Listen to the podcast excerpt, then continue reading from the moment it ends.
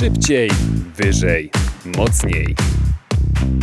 Czyli audycja sportowa w Studenckim Radiu Żak Politechniki Łódzkiej.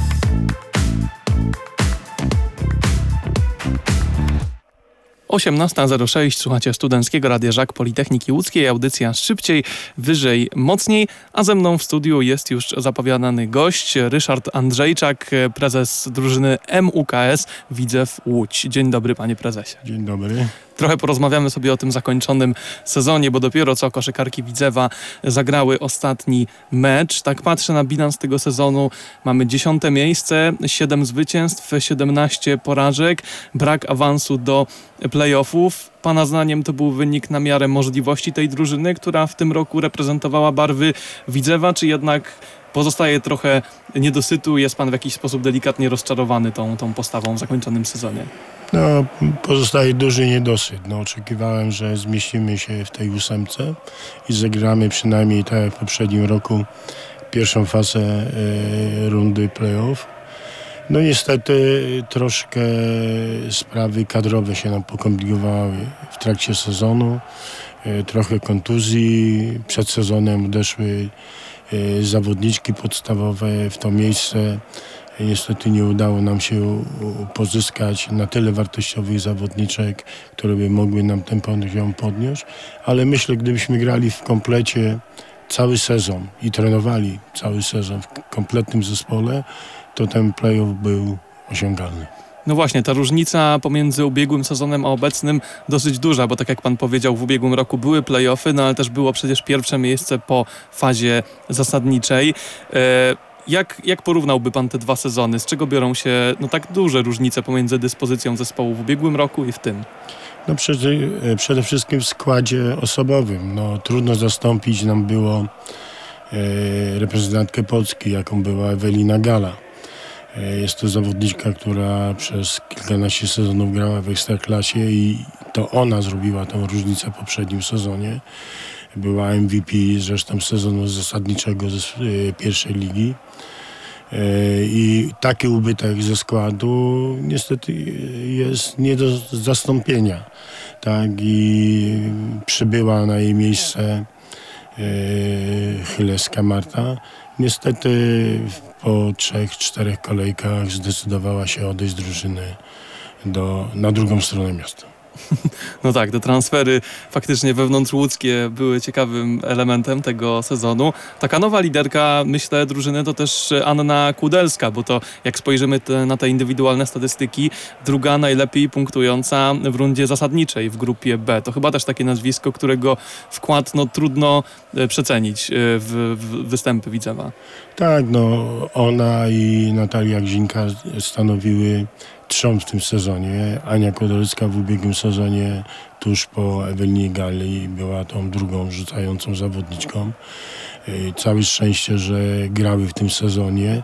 E, pechowy sezon miała Natalia Gzinka, która złapała główną kontuzję, pęknięcie kościa e, w paliczku. Jest to bolesna kontuzja, ale długo leczona, tak, i praktycznie wyłączyła nam ją z gry na 6 tygodni. To spowodowało, że te mecze, które w tym czasie mieliśmy wygrać, żeśmy nie wygrali. I, i ten wynik, który żeśmy osiągnęli, właśnie się z tego bierze z jednej strony, tak jak pan wspomniał, no już te bardziej ograne zawodniczki, tak jak choćby Anna Kudelska, ale też w składzie dużo no, młodych dziewczyn, niektóre jeszcze nawet poniżej 18 roku życia dopiero teraz będą pełnoletnie. Jak pan ocenia to, jak te najmłodsze zawodniczki się wprowadziły do, e, do, do rozgrywek? Bo to w ogóle też cecha taka wspólna, myślę, łącząca oba łódzkie kluby, bo dwa tygodnie temu mieliśmy tutaj przedstawicieli też ŁKS-u koszykarskiego i tam też bardzo dużo tych bardzo młodych zawodniczek. Tak, no my y, oprócz Ani Kudolskiej Natalii Gzinki, Grince, y, ten, oparliśmy zespół na swoich wychowankach, młodych zawodniczkach, ale też na y, zawodniczkach tych, które były w reprezentacji Polski młodzieżowych. Mhm. Y, mówię tu o Oliwii Janickiej, tak, która zdobyła notabene w ubiegłym sezonie wicemistrzostwo Europy w grze 3 na 3 rozgrywka 3 na 3 z reprezentacją Polski i Ajdzie Miazek, która e, no, też była rezerwową w tej reprezentacji. One miały stanowić oprócz tych dwóch podstawowych zawodniczek tą trzon tej pierwszej piątki. Szkoda, że po tym sezonie, po poprzednim sezonie uciekła nam do Gdyni, niestety z uwagi na nasze możliwości chyba finansowe Nikola Tomasik, bo ją trenerka szykowała na podstawową rozgrywającą, też zawodniczka reprezentacji Polski. No niestety siła przebicia prezesa z Gdyni spowodowała, że wylądowała w tym zespole. Mhm.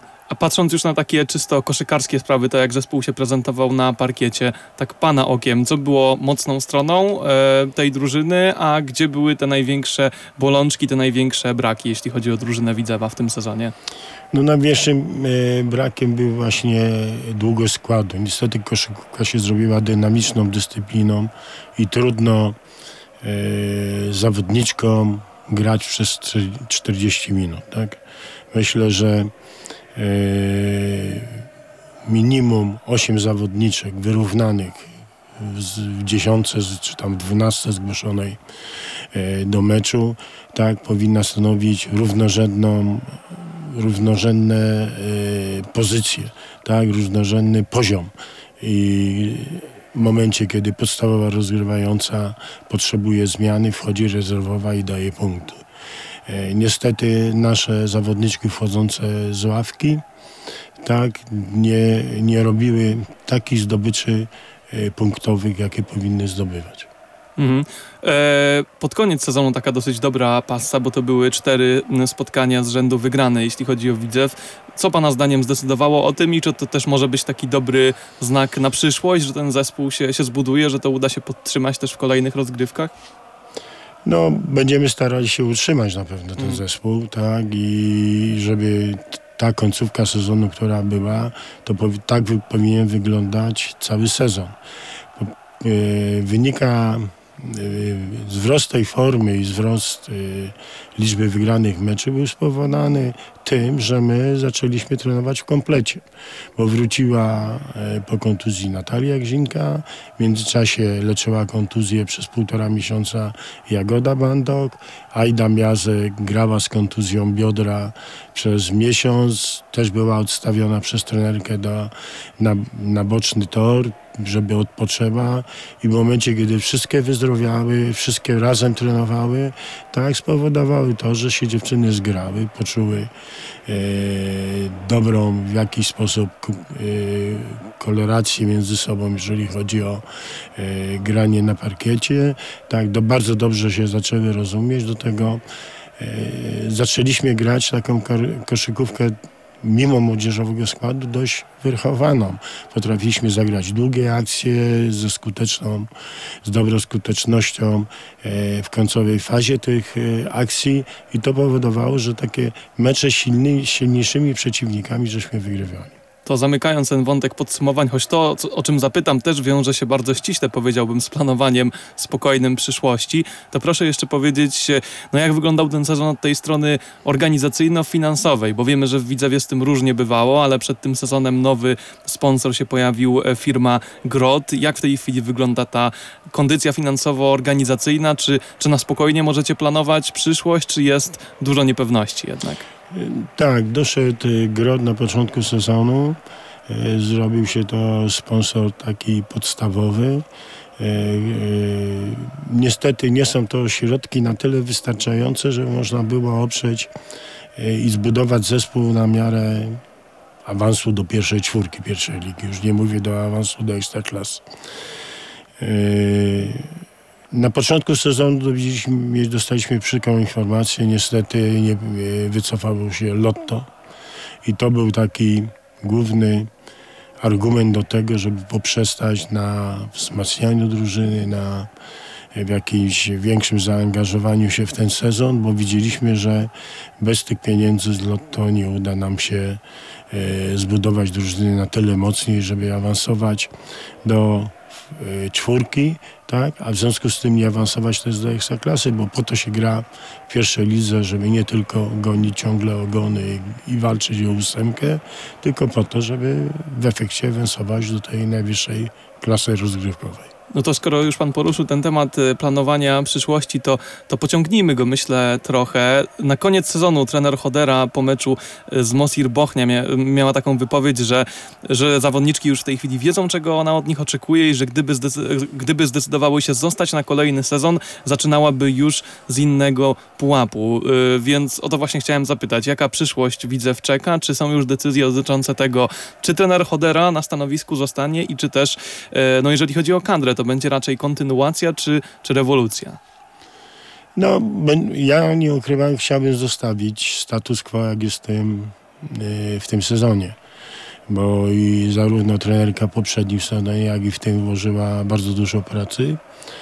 Y, Na pewno miała pecha wyjątkowego w tym sezonie, jeżeli chodzi o kontuzje zawodniczek i z uwagi na to, że ja przez kilkanaście lat byłem też trenerem i, i wiem jak to wygląda, że nie wszystko zależy, nie wszystko jest w rękach Mhm. trenera, i że jednak jest i skład personalny potrzebny i trochę szczęścia, może nawet, może nie trochę, dużo szczęścia po to, żeby e, w tym sporcie zaistnieć i zdobyć te maksymalne wyniki.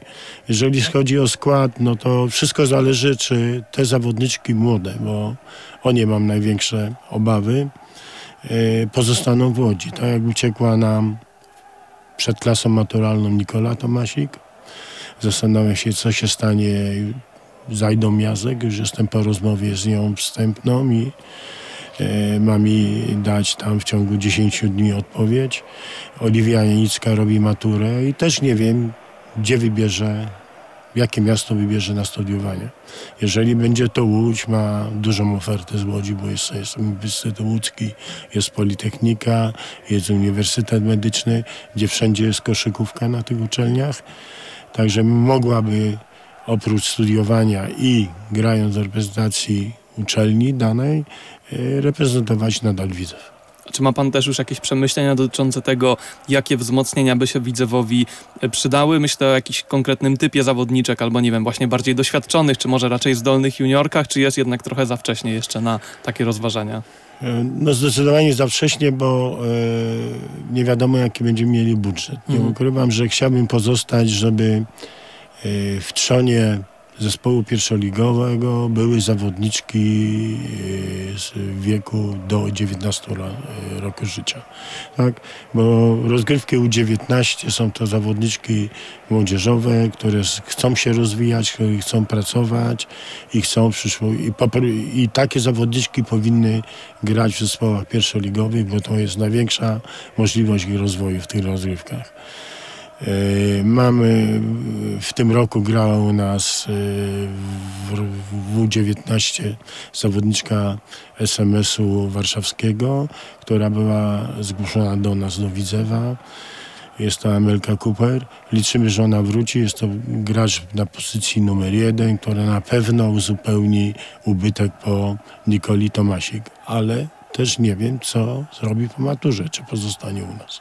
A czy też już może pan coś powiedzieć o tym, jakie będą cele Widzewa w przyszłym roku? To będą playoffy, e, spokojne utrzymanie, poprawienie wyniku z tego sezonu, czy też właśnie wszystko zależy od tego, co wydarzy się latem, jaki będzie skład? Jeżeli utrzymam ten skład, który jest, dojdzie Amelka Cooper i uda się pozyskać z Polski zawodniczkę na pozycji 5, tak, czyli na pozycję tą newralgiczną po Ewelinie Gali, tak, to myślę, że nie, nie będziemy myśleć o ósemce, tylko o czwórce pierwszej ligi.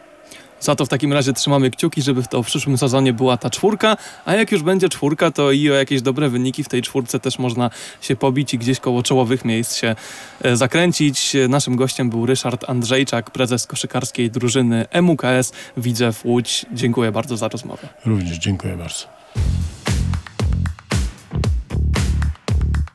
Szybciej, wyżej, mocniej. Czyli audycja sportowa w Studenckim Radiu Żak Politechniki Łódzkiej.